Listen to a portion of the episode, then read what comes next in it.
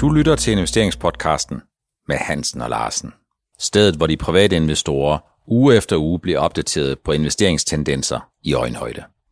Velkommen til investeringspodcasten med Hansen og Larsen. Det er afsnit 54.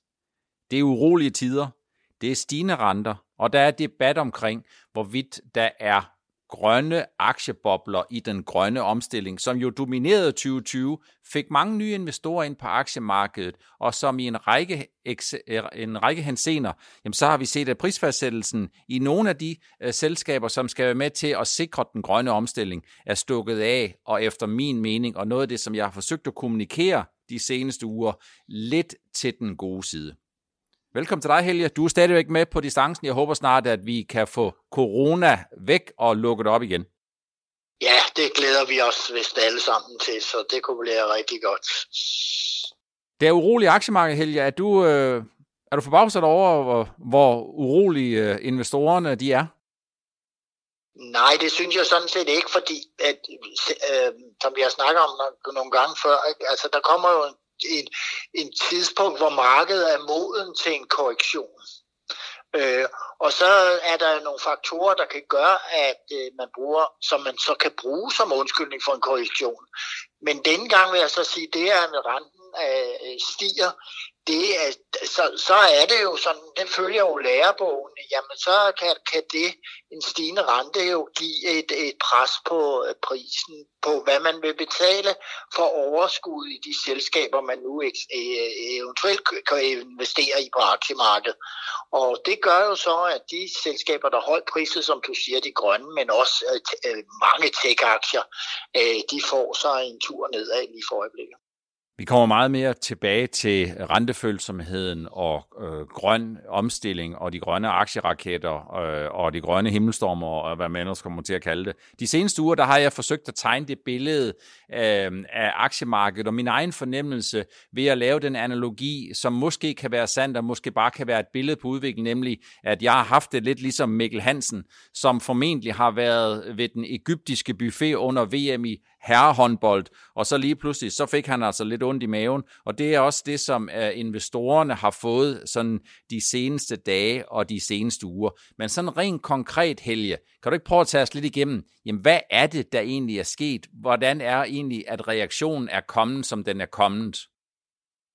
Øh, ja, men altså, det kom jo lidt snigende, og så øh, er det jo sådan så meget ofte, at man, man ser, øh, man ser, når aktiemarkedet går i sådan en over-euforisk øh, mode, så ser man jo ofte, at øh, så kommer der altså et tidspunkt, hvor der er nogen, der ligesom øh, Øh, trækker stikket og siger, nu skal vi altså flytte lidt rundt på værdierne og så placere dem andre steder. Og det er jo i høj grad sket her øh, den, den seneste tid. Øh, ja, nej, lad os sige 2021, i hvert fald på de grønne vedkommende. Der kan, kan man godt se, at vi skulle ikke langt ind i januar, før øh, så røg øh, kurserne ned på øh, for Vestas og Ørsteds, og det er sådan, jeg tror faktisk, at man har ligget og bare ventet, og så er det kommet, og så er der nogen, der bliver rigtig nervøse. Jeg synes, at i sidste uge øh, var, der fik jeg mange øh, beskeder i min indbakke og på min mail om, om man skulle sælge ud nu, eller at tage gevinsterne i de der grønne aktier, og tech-aktierne også. Og vi har også set det her, som man ser i så euforiske topniveau, og så ser man jo for at der er nogle aktiver, de bliver lige pludselig attraktive, og det har vi jo set med bitcoin her på det seneste. Kan man sige, Helge, at 2021 har været sådan en form for en distributionseffekt til massemarkedet af det gode nyheder, det gode budskab om, at man langsigtet får et godt risikojusteret afkast ved at have så høj en risiko som, over, som overhovedet muligt. Er det egentlig det, der er sket, nemlig at øh, når rigtig mange de hører om det, når alle taler om det, og når du begynder at få investeringsråd fra din taxichauffør, hvis så nogen overhovedet findes efterhånden i en coronatid, jamen øh, er, er det så sådan, at det egentlig er det tidspunkt, hvor risikoen for, at der kommer nogle få mindre øh, faktorer, der kan sætte en kæp i hjulet, og i det her tilfælde på aktiemarkedet? Ja, altså det, det med distributionen, den er, det er jo en klassiker. Øh, der er jo nogen, der, der sørger for at positionere sig i god tid, og de distribuerer jo til dem, som øh, måske kører er lidt fartblinde, Og øh, det er så det, der er sket i, i, i den her situation, fordi man kan jo se, at de store investorer flytter rigtig meget rundt på pengene lige for øjeblikket. For en måned siden, der skrev jeg på Nordnet-bloggen Ørsted, guld og grønne skove. Det var dengang, jeg undrede mig lidt over, efter at have kigget ind i Ørsteds regnskaber, at den aktiekurs, som siden 2016 var blevet seksdoblet omkring den 15. 18. januar, det var dengang, hvor Ørsted de kom med en opjustering for så vidt den går 2020, men i virkeligheden kom med en guidance, som var noget skuffende for 2021 i forhold til der, hvor analytikerne havde lagt deres forventninger. Ja, der undrede jeg mig lidt over, at vi har set en seksdobling af aktiekursen, samtidig med, at indtjeningen fuldstændig stod bumstille på samme niveau, som den var i 2016, og kommer fuldstændig til at være på samme niveau samme høje niveau, er der nogen, der kan sige, men samme lave niveau i forhold til den indtjening, i forhold til den aktiekursudvikling, øh, som vi har set. Og det bliver ikke bedre i 2021. Jeg håber selvfølgelig på, at det bliver meget bedre, og aktiekursen den afspejler den øh, vækstforventning, der kommer fra 2022 til 2025. Så når jeg nævner Ørsted, så er det jo ikke fordi, nødvendigvis fordi Ørsted er det eksempel på den aktie, som har været højst vurderet. Det er heller ikke, når jeg nævner Vestas, fordi jeg nødvendigvis tror på, at Vestas har været den højst vurderet. Men jeg lå mig lidt inspirere af, at der var en analytiker, som i sidste uge fra Credit Suisse, som nævnte, at når man kigger på en aktiekurs på Vestas på 13-1400, så indiskonteret scenarie med 25 milliarder euro i omsætning og en EBIT-margin på 11-12 aktuelt, jamen så guider øh, Vestas en, en, øh, en omsætning på en 16-17 milliarder i 2021 og en EBIT-margin på 7. Og det, som jeg bare siger, det er, når prisfastsættelsen er så høj, som den er, så er det sådan, at så bliver der inddiskonteret meget store forventninger. Meget store forventninger kan jo ikke nødvendigvis altid indfri, så det er også sådan, at der kan komme nogen, der kommer på et eller andet tidspunkt, hvis de kigger på prisen, så kan de komme til at ryste en lille smule på hånden. Og det er vel sådan set det, der er sket, Helge. Ja, det er helt klart, det er det, der er sket. Øh, der kommer et tidspunkt, hvor, hvor man begynder, og det, det har jeg jo også nævnt mange gange i, i vores podcast løbende, at når vi ser de her høje værdiansættelser, så kommer der et tidspunkt, hvor man begynder at kigge på de kvartalstal, der, der, der kommer ind løber året. Man begynder at kigge lidt på guidingen, og hvad er mulighederne, og hvordan er konkurrencesituationen. Og den har vi jo haft op at vende med både Ørsted og Vestas for nyligt. Og det er jo ikke sådan, så at konkurrenterne ligger på den lade side i relation til, til at også komme med på det her grønne futtog, som, som vi begge to, Per, er enige om, at det, det er en meget lang øh, øh, øh trend, den kører i. Ikke? Så, øh, men det betyder jo ikke, at priserne, de priser, man vil give for aktierne, behøver at være så tårnhøje, som de er for nærværende. Altså for mig, for mit vedkommende, så er der ingen tvivl om, at den grønne omstilling, den kører videre, og den grønne omstilling, den kører markant videre, det, det er jeg slet ikke i tvivl om. Der, hvor jeg tror, at, øh, at prisfastsættelsen den bliver sårbar, og det har vi jo nævnt rigtig mange gange, jeg synes, der er god grund til at gentage det, det er udviklingen i profitabiliteten. Der bliver mange flere ordre øh, at kæmpe om i den grønne omstilling, og det er sådan set rigtig godt. Men det der er udfordringen, det er, at det er ikke givet, at den profitabilitet, hvor mange penge kan man tjene, hver gang man omsætter for 100 kroner, den fylder, den følger med op. Og der er to ting, der driver, eller tre ting, der driver øh, prisfastsættelsen. Jamen, den ene, det er jo, hvordan det generelt går på aktiemarkedet. Den anden, det er, hvordan væksten er i det enkelte selskab. Og den tredje, det er, hvordan indtjeningsudviklingen er, og ikke mindst profitabiliteten.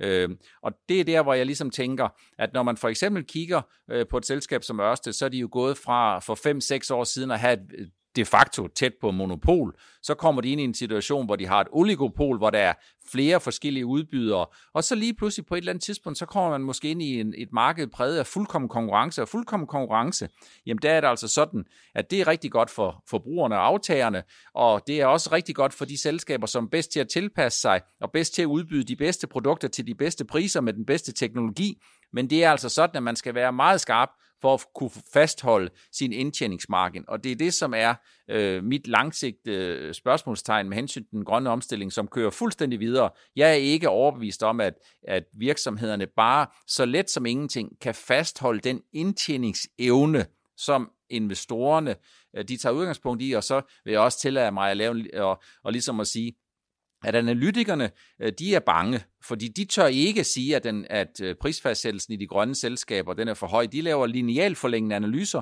fordi øh, du kan godt forestille dig, Helge, hvad der sker, hvis øh, Vestas den stiger 100 kroner, øh, så er der nogen, der siger, nu er den ved at være stedet for meget, og så er der nogen, der kommer og siger, er du dum, Helge? Fordi det er da den grønne omstilling, og den grønne omstilling, det ved alle jo kommer, men, men det er bare et, øh, et udtryk og et udsagn, som totalt efter min mening langsigtet mangler nuancerne omkring indtjeningsevnen. Jo, vi kan sige, der er jo nogle analytikere, der, der, der, der har ligesom fastholdt deres gamle måde at se på, altså, fund, altså kigge på det rent fundamentale og lave nogle frem, fremskrivninger, som ikke er styret af øh, markedsluner. Altså kom der ikke ind for, for, for nyligt, hvor øh, der hvor vi lå nede i 600, 500-600 for Vesters. Jeg kan ikke lige huske, hvilken analysehus det var fra, men, men altså, der er jo nogen, der fastholder, at jamen, vi skal altså se på bundlinjerne i de her selskaber. Og en ting, som vi har snakket om også for nylig, det er jo det her med, øh, hvis vi den grønne omstilling, ja, der er altså en masse sorte olieselskaber derude, som med en høj oliepris får masser af penge i kassen til at foretage grønne omstillinger og kasser ind i konkurrencen på det her område. Og det er både Ørsted og øh, til dels Vesters, de skal jo ligesom have øjnene op for, for, for at de ikke sidder så alene på tingene mere. Man kan sige, at nu snakker vi jo meget om Vestas og Ørsted, og det er fordi, det er nogle af de største Ørsted havde Gode på, eksempler, ja. Ørsted havde på et tidspunkt mere end 500 milliarder kroner i markedsværdi. Vestas har været op omkring 200 milliarder kroner, og det er jo ikke fordi Vestas er de eksempler på nogle af de der selskaber, som er højst vurderet, men det er måske nogle af de mest prominente, og det er nogle af dem, som vi kender bedst i Danmark, fordi det er nogle af dem med spydspidskompetencerne inden for den grønne omstilling. Men hvis jeg kigger uden for Danmark, så kan jeg se sådan noget som amerikanske Plug Power, øh, som jo for et øh, halvandet år siden lå omkring en 2-4 dollar, så i mellemtiden har været op i 75 dollar, og som vel er en af dem, der vægter tungest i iShare Clean Energy eller noget af den stil. Øhm, og hvis jeg kigger på et andet selskab, så er det sådan øh, hydrogenselskabet Everfuel i Norge. Og historien om Everfuel er ikke, at jeg har noget imod Everfuel. Everfuel er nogenlunde halveret fra toppen inden for de seneste uger. Men historien om Everfuel er jo også, at de har haft nogle ankerinvestorer, noget der hedder Saga, og de har lavet, har, havde tidligere nogle planer om, at de skulle være med på rejsen og fem år og alle mulige andre ting, og så skete der det, at nu har de faktisk taget gevinsten, fordi fristelsen i forhold til en aktiekurs, hvor du har 20-25 ansatte, der lige pludselig har en markedsværdi, som nærmer sig 10 milliarder norske kroner, jamen der må man bare konstatere, fristelsen den blev for stor. Og det er jo en af de risici, der er i aktiemarkedet, når man køber noget, som øh, er baseret på meget store forventninger, men hvor det økonomiske fundament, det er ekstremt skrøbeligt. Ja, vi, vi kan jo tage hele brintsektoren over en kamp, og mange af selskaberne der, øh, jamen de fik jo i hvert fald her sidst øh, altså, i efteråret og øh, vintermånederne også, og så måske starten af, af 21, så fik de jo nogle fantastiske stigninger. Og der, der tror jeg, der er sket meget distribution, og jeg tror, der er rigtig mange af de her ankerinvestorer i de her forholdsvis nye selskaber, der er inden for Brint, der har, øh, har, har hvad nu det hedder, trukket sig, øh, mens de synes, at de kunne altså ikke være bekendt andet over for deres øh, bagland, at de tog gevinsten i, i de her brintselskaber. Og de faldet ned, og så må vi jo så se fremover, de skal nok komme op i takt med, at øh, selve sektoren øh, udvikles. Man kan bare sige, at øh, læren fra tiden efter dot-com-boblen, læren fra Amazon og Company, det er, der kommer kun til at være en Amazon.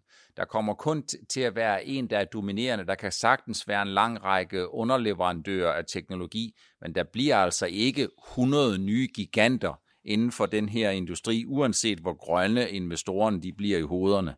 Øhm, når jeg lytter til nogle af de øh, gode input, som jeg får fra rigtig mange investorer, jamen så er det sådan, at øh, der er en del, som er blevet noget overrasket over, hvad det egentlig er, der sker. Der er en del, der er blevet overrasket over, at, at øh, markedet er så rentefokuseret, øh, som de egentlig er.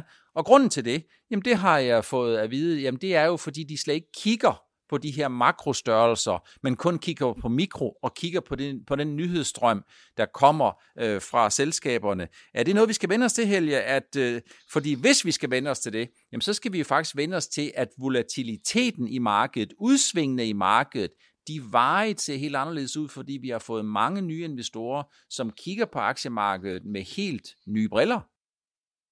Jamen, det tror jeg, det tror jeg faktisk, det, det er et faktum, at, øh, at det, det, vi vil få en volatilitet fremad, fremadrettet i et omfang, som ja, vi, vi, vi måske ikke er, er, er så vant til, øh, men, men det, det gør vi også, fordi at mange af de nye øh, investorer, der kommer ind, de, de, skal, de, de oplever måske for første gang nu, at der er nogle mekanismer i markedet, som, som de, da, de, de ikke havde tænkt over, da de stemplede ind i 2020.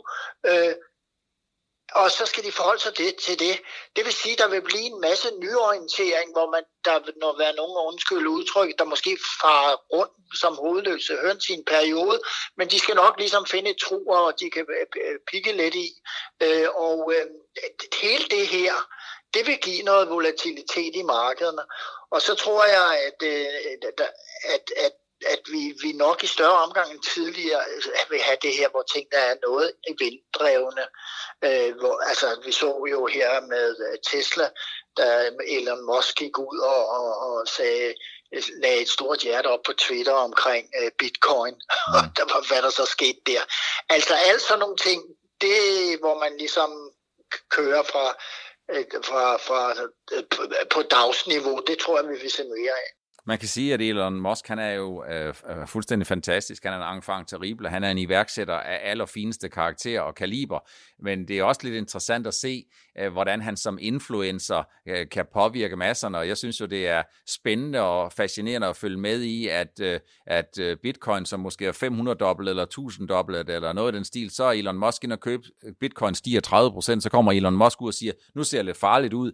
Det er jo ikke de sidste 30% der ser farligt ud. Det er jo bevægelsen med den her 500-dobling, og så kommer Elon Musk ind og så siger, nu har jeg købt bitcoin, som for mig at se er meget, meget distribution inflationsagtig, hvis man kigger i den der effekt. Men uanset hvad, Elon Musk han er med til at skabe masser af aktivitet og masser af omtale i aktiemarkedet. Det er mega spændende øh, og følge den udvikling, øh, hvor øh, de nye investorer de kommer ind med fuld knald på aktiemarkedet og giver et risikokrydderi og en risikoingrediens, som vi aldrig nogensinde har set før. Øh, for mig at se, så er det her dot-com-boblen, øh, eller dot-com-udviklingen, kan man sige. Om det så er dot-com-boblen, det ved jeg ikke, men det er dot-com-udviklingen, sådan i tredje eller femte potens, og det er meget spændende at se, hvordan det ændres man kan jo sige, at øh, boblen er jo noget øh, større, øh, og der er flere bobler på én gang. Altså, hvor vi tidligere kunne være sige, jamen det var ejendomsmarkedet, eller det var hvad, hvad, hvad nu det er, tech.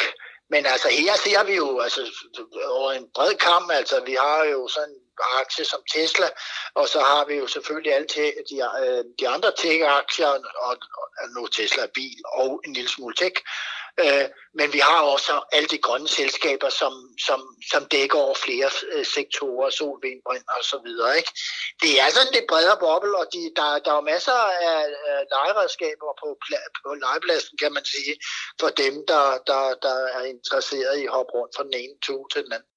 Man kan sige, at øh, det er jo spændende. Der er masser af, af, af ting at, at skyde på og skyde ned, og det er ligesom sådan en skydetelt. Det er ikke sikkert, at hver gang man skyder, man så rammer, men man ved i hvert fald, at det skaber en masse, øh, en, en masse aktivitet. Øh, tirsdag, øh, og vi optager jo onsdag forud for udsendelse torsdag. Jamen tirsdag der var der lagt i kakkeloven til, at de amerikanske IT-aktier, de amerikanske grønne aktier, de skulle have en ordentlig en på puklen. Det fik de sådan set også fra starten. Men så endte det jo om ikke i fryd og gammel, så endte det i hvert fald ikke i en større nedtur øh, tirsdag. Og for mig at se, så skyldes det jo, at øh, investorerne de spillede eller fik The Powell put i hånden. Er du enig i det? Helge? Ja, fuldstændig. Han sagde jo, at uh, inflationen og, og, og beskæftigelsen, de lå under de mål, som uh, centralbanken havde, og så man derfor ville se lave renter uh, indtil videre. Ikke? Uh, og det beroligede markedet man, vist omfang. Man kan sige, at den der The Powell Put er jo et, øh, et gammelt mundhæld. Et gammelt mundhæld, der hedder, at når investorerne de bliver i tvivl, når de søger efter en retning, så kigger de efter, hvad verdens absolut mest mægtige Øh, person, nemlig formanden for den amerikanske centralbank, som er verdens mest mægtige centralbank, øh, egentlig siger omkring pengepolitikken. Og det er jo meget delikat, og det er øh, helt sikkert meget velvalgt, at Jerome Powell går ud og siger det, han gør. Fordi når Jerome Powell og Fed de siger noget, så lytter alle. Og det, det vi har set de seneste øh, måneder, eller de seneste uger, skulle jeg måske snart sige, det er, at den rente, som den 10-årige amerikanske rente, som bundet ud omkring 0,6 procent øh, i marts-april øh, måned 2020, har en overgang været oppe i 1,4. Og det er jo øh, sådan, at jo højere renten er, jo mere skal den, det cashflow, den kontantstrøm, der er i virksomhederne, når man omregner til nutidsværdi, jo mere skal den straffes med. Og det er derfor, at det er helt naturligt, at det øh, bliver IT-aktier med en ekstrem prisfastsættelse øh, og grønne aktier med en ekstrem prisfastsættelse, der lige nøjagtigt bliver ramt. Jo, og, og, og samtidig så sker der det, at, at vi har, har set øh, en, en, en kæmpe likviditetsopbygning i de her selskaber. Så det, jeg vil tillade mig at sige, den her korrektion, jamen det er ligesom Mikkel Hansen. Han har spist ved buffeten, og nu begynder han så ligesom at få fornemmelsen af, at det ikke er alt ved den der buffet, som han skulle have haft ned i maven. Ja, det er klart. Det, det tænker man jo mange gange, når man kommer for rent fysisk selv kommer i sådan en lignende situation, hvis man har rejst til, til de sydlige øh, himmelstrøg. Øh, men det kan, kan man jo også sagtens selv føle, når man kigger på sin, øh, sin, den risikovillige del af, af ens egne portefølje, så kan man jo godt se, at man, man, skulle nu, man skulle måske nok have holdt sig til det, til det, man kendte lidt til, i stedet for at kaste sig ud i alt det nye spændende, som, som bliver, er på buffeten. Korrektioner, Helge, de kommer og går, bare fordi med en tidligere fodboldlandsholdstræners udtalelse, bare fordi der er nogle svin, der står og knupper sig lidt op af et fyns bøgetræ, så er det jo ikke ensbetydende med, at træet det vælter, og på samme måde, så slår man heller ikke investorerne ud af kurs, bare fordi vi ser en korrektion på markedsniveau på 3-5% og på enkeltaktieniveau på 30-50%. Helt konkret, så er der jo selvfølgelig mange, der spørger sig, er det her den lille advarsel alt i alt, og det er ikke for at bagatellisere kursfald på 30-50%, men på markedsniveau, jamen der har bevægelserne jo faktisk været noget mindre. Er det efter din mening, Helge, den lille advarsel før den større nedtur? Det, det har jeg faktisk svært ved at se, øh, fordi at det meget afhænger jo om at de her fortsatte stimuli, der kan komme ud til mar- markederne, dels via centralbankerne, men altså også i højeste grad på en meget offensiv øh, pengepol- øh, eller en finanspolitik i de enkelte lande. Og man kan jo se, at rent finanspolitisk ligger man jo heller ikke sådan lige på den lade side i USA, øh, og øh, i takt med, at vaccinerne kommer ind, jamen så er der jo rigtig mange steder, hvor, hvor pengene måske bliver lagt andre steder i, i, altså, for lige nu kan folk ikke forbruge i det omfang, de gerne vil. Og så lige pludselig kommer de ud og bruger en masse på rejser og fly og øh, restauranter og hoteller og alt muligt andet, som gør, at der kommer en ny del af aktiemarkedet, som er tiltrækkende. Øh, men men det, der kan jo ske med de her stimuli, især de finanspolitisk, det er på et tidspunkt, der kan vi få et godt pres på priserne opad og, og pres på lønninger.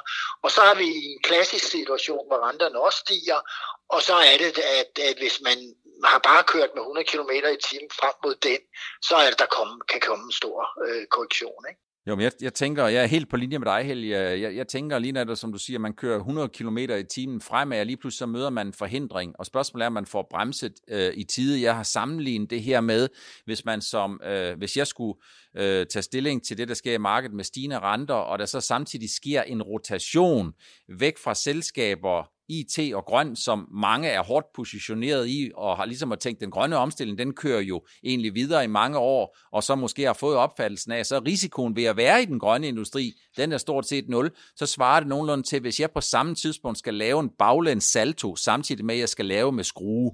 Og der kan man sige, øh, dem, der kender mig, de vil vide, at mig på et øh, gymnastikgulv, en baglæns salto med en skrue, det vil næsten med sten sikkerhed medføre en indlæggelse. Ja, det, det kan man jo nok regne ud, og det ved den jo nok på de fleste mennesker, der, der, der udfører sig et stund. Det er ikke så nemt. Og jeg vil også sige, at det, det man skal, jeg tror, det, man skal være øh, opmærksom på de internationale nøgletal. Man skal også være, altså jeg synes, vi kommer et sted hen nu, hvor at der er nogle indikatorer i markedet, som øh, det er faktisk rart, for, det er rart for, for mig personligt, at nu kan man begynde at kigge lidt på dem, altså at der kommer en new, new normal i markedet. Øh, og det tror jeg vil komme i takt med, at vaccinerne bliver rullet endnu mere ud, og der kommer noget mere immunitet i samfundet, og der bliver åbnet op noget mere op. Og jeg har helt klart, øh, jeg gør mig virkelig mange tanker, hvor, hvor er det, man så skal lægge sin, sin investeringspenge, eller de penge, som man gerne vil have forrentet til en nogenlunde god rente øh, øh, de kommende år. Der, det, det tænker jeg rigtig meget over. Jeg tror også, at vi i de kommende udsendelser måske kan bruge lidt tid på at diskutere de der øh, øh, flytninger, der vil komme i markedet, når corona bliver, lem, bliver mere mild og venlig over for os alle sammen. Man kan sige, at historien den viser, at investorens hukommelse den er ganske kort, og den er ganske selektiv. Så bare lige her til sidst, øh, Helge, som afslutning på afsnit 54 i investeringspodcast med Hans og Larsen. Tror du, den her øh, åbne op øh, penge, det vil sige, at investorerne begynder at allokere flere penge til de cykliske aktier, til rentefølsomme aktier, til banker. Tror du, det bliver en hæftig øh, og markant flirt, som kendetegnede slutningen af januar ind i februar måned, eller tror du, det er en tendens, der godt kan køre de kommende uger?